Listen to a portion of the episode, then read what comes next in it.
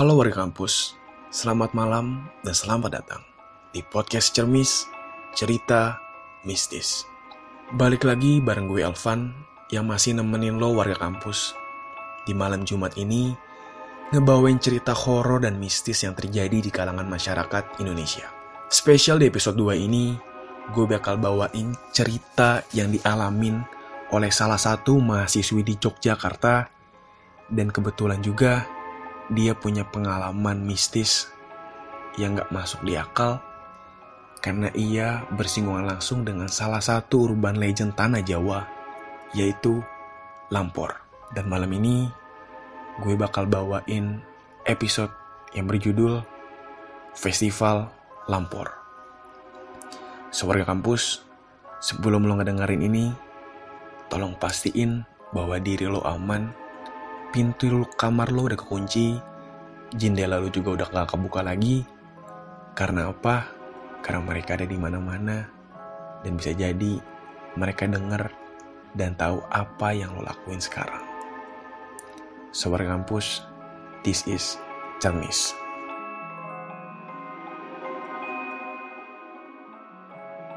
Kisah ini bermulai pada tahun 2017. Sebut aja mahasiswi ini bernama Ayu. Ayu berkuliah di salah satu universitas di Yogyakarta dan dia bilang dia seneng banget denger dan mainin alat musik Jawa yaitu gamelan. Bahkan ia sampai ikut UKM yang bernama Gamer atau Gamelan Remaja dan melalui UKM ini dia bilang kalau dia selalu dapetin pengalaman pentas di kampus-kampus lain, ikutin festival, dan masih banyak lagi perlombaan yang bikin dia membanggakan kampusnya. Setelah dua tahun penantian panjang, akhirnya ia dan tim UKM-nya berhasil dilirik oleh kampus dan diminta untuk mengiringi satu tarian yang bakal dibawain di festival tari di Jawa Timur. Permasalahannya, festival tari yang ada di Jawa Timur ini cukup berbeda karena ngebawa dan ngusung tema sebuah urban legend tanah Jawa yang pada tahun 1920 hingga 1960 jadi teror dan momok warga Jawa sampai-sampai warga Jawa cukup ketakutan meresah untuk setiap malam keluar rumah. Karena festival tari ini ngusung tema Lampor. Dan kalau misalnya lo belum tahu di kampus, Lampor ini ada dua cerita atau versi yang ada di Indonesia.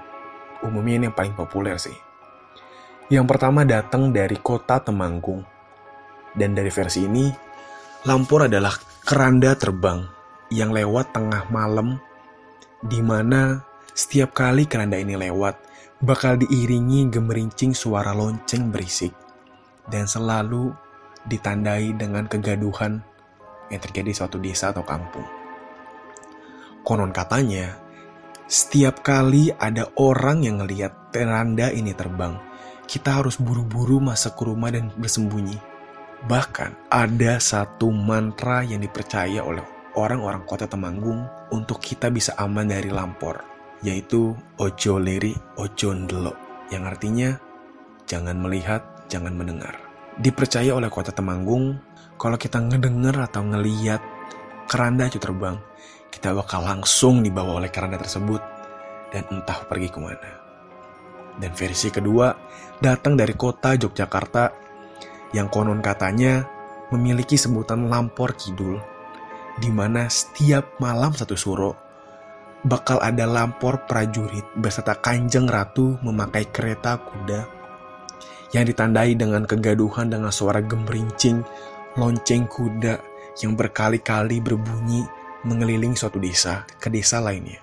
Konon katanya, jalurnya melewati kali opak dan setiap kali lampor tersebut melintasi airnya, air sungai kali tersebut bakal membelah, seolah-olah mereka memberikan jalan kepada Lampor, agar Lampor beserta Kanjeng Nyai bisa sampai ke Gunung Merapi. Dan jauh sebelum Ayu beserta tim Gamer mengikuti lomba, sudah pasti mereka tahu apa itu Lampor dan bagaimana sejarahnya di tanah Jawa. Dan untuk tari Lampor ini, Ayu bilang ada 10 orang pengiring dan mereka bilang juga butuh dua bulan buat latihan.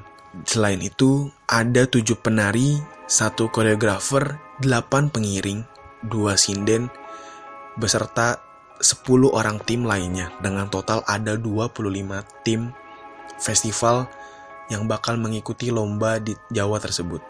Dan buat masihin berbagai kebutuhannya, Ayu sengaja tanya sama Ojan karena Ojan adalah koreografernya dan Ojan bilang kalau selain koreografer, atribut, kita juga butuh izin kepada pantai selatan supaya nggak ada sesuatu yang terjadi diinginkan. Ayu bertanya kepada Ojan, Jan, kira-kira kurang apa ya buat besok? Ojan bilang, semua sih udah. Aku juga kemarin udah ke pantai selatan. Terus Ojan bilang, iya aku udah izin. Tapi aku kemarin cuma sama penari-penari aja. Kenapa kamu? Takut ya? Dan Ayu bilang, aku gak takut sih. Tapi aku juga pengen izin buat ngangkat tarian itu supaya kita aman. Ojan bilang, aman insya Allah. Pada akhirnya, keesokan hari ketika mereka berangkat pada pukul 2 pagi menggunakan bus, salah satu anggota tim pengiringnya mengalami keterlambatan karena kebetulan temannya ini mengalami sakit jadi mau gak mau cukup terlambat. Sampainya pada pukul 1 dini hari, bis pun berhenti dan diminta seluruh penumpangnya turun dan nurunin barang-barang bawaannya. Ayu bilang Ayu mikir kalau misalnya mereka bakal turun di hotel. Ternyata diminta buat masuk ke gang kecil yang itu cukup jauh dari jalan besar dan Ayu bilang cukup kaget kalau ternyata tempat yang bakal digunain buat base camp mereka lomba selama satu hari itu adalah rumah tua yang tidak pernah dipakai bahkan hanya dipakai setahun sekali ketika ada acara lebaran. Kondisi rumahnya itu cukup besar, seperti rumah-rumah Jawa jadul pada umumnya. Ada halaman, ruang tamu yang cukup lebar, dan ketika masuk, Ayu bilang rumah tersebut menyambutnya dengan debu dan bau khas rumah kosong. Semua perabotan ditutup dengan plastik dan kain putih. Dan Ayu cukup bergumam dalam hati bahwa ini rumah gede banget dan punya halaman cukup besar biarpun gua timnya ada banyak, ini kayaknya cukup takut dan ngeremin deh.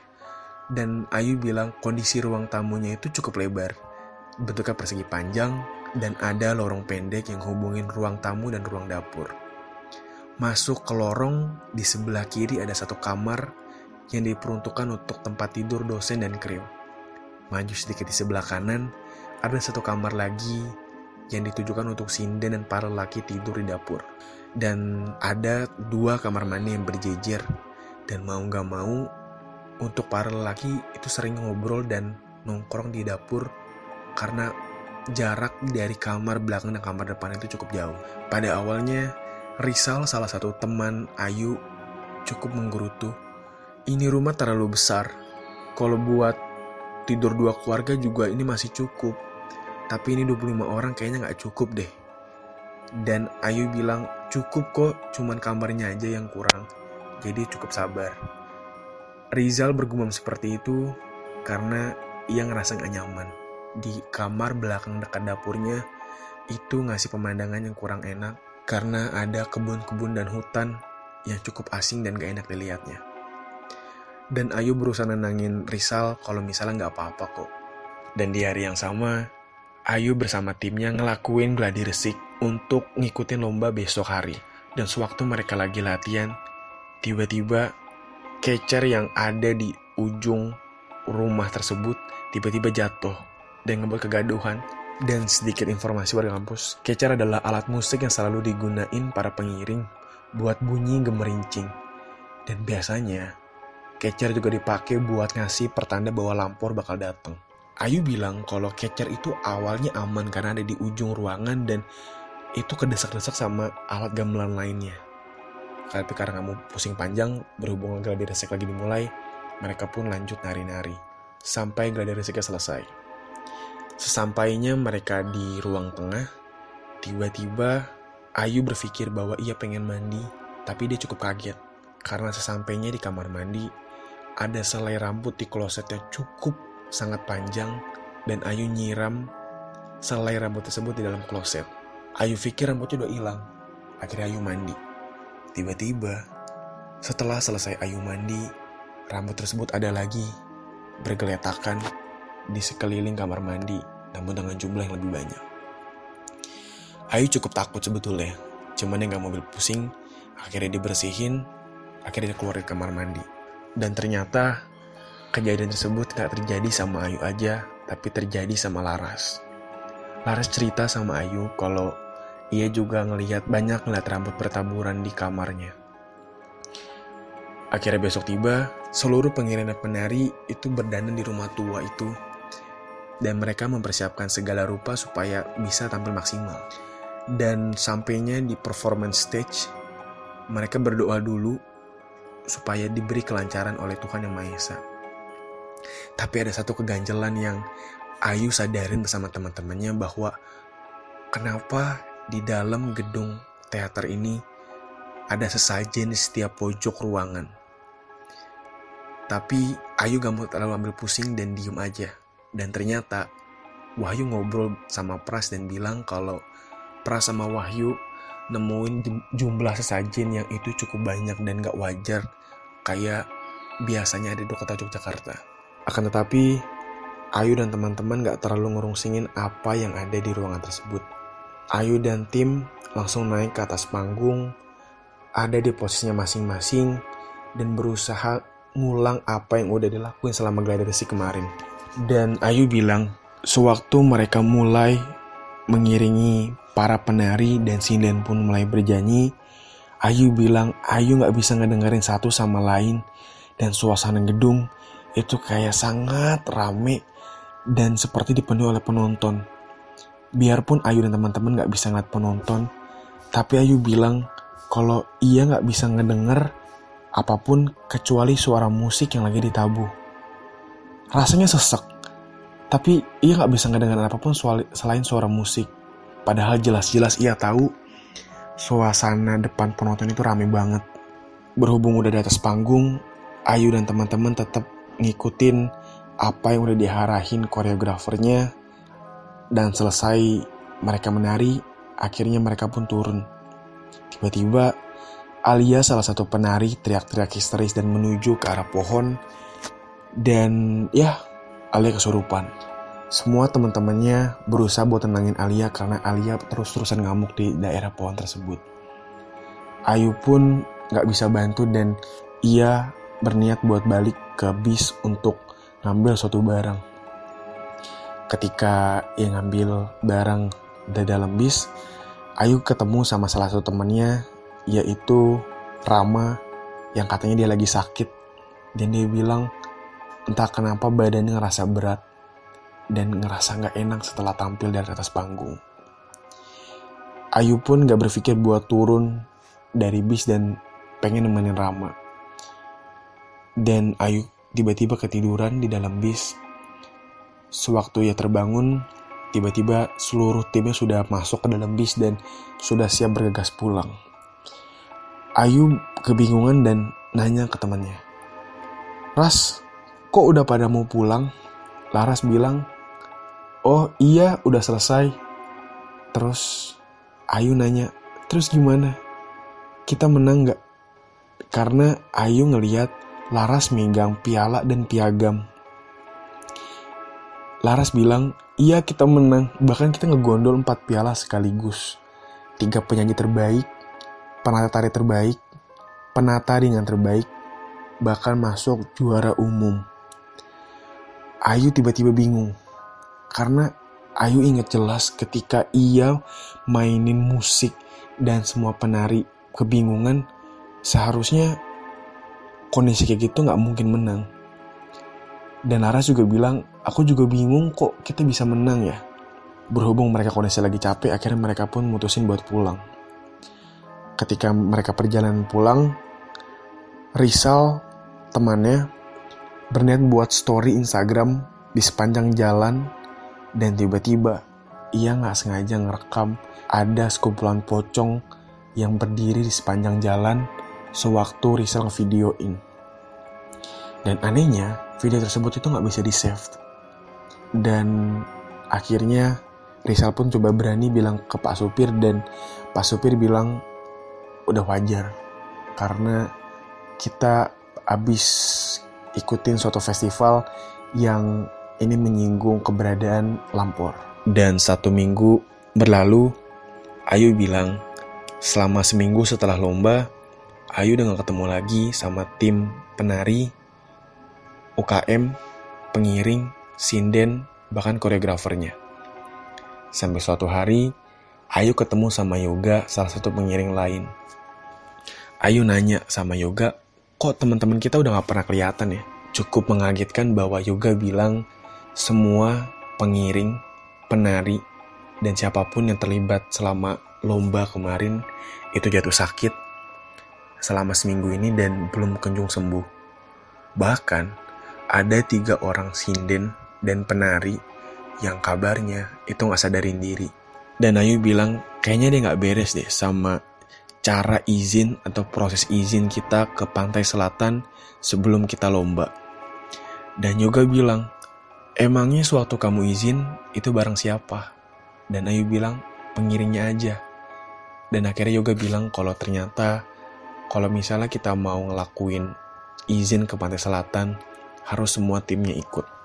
Dan warga kampus sebetulnya uh, Lampur ini juga sering banget terjadi di berbagai tempat. Bahkan di tahun ini pun cukup naik lagi ceritanya yang lo bisa cek sendiri di Twitter. Ada salah satu pengguna Twitter yang dia ngupload uh, ada keranda terbang. Dan itu kondisinya di jalanan perkampungan terang. Dan di atasnya itu ada ada keranda terbang gitu. Kalau gue pribadi jujur percaya. Jujur banget gue percaya karena ada tiga orang tetangga gue ya mereka asli dari Jogja dan Temanggung. Pernah cerita ke gue kalau ada kejadian yang gak beres yang pertama temen gue sebut aja namanya Brian.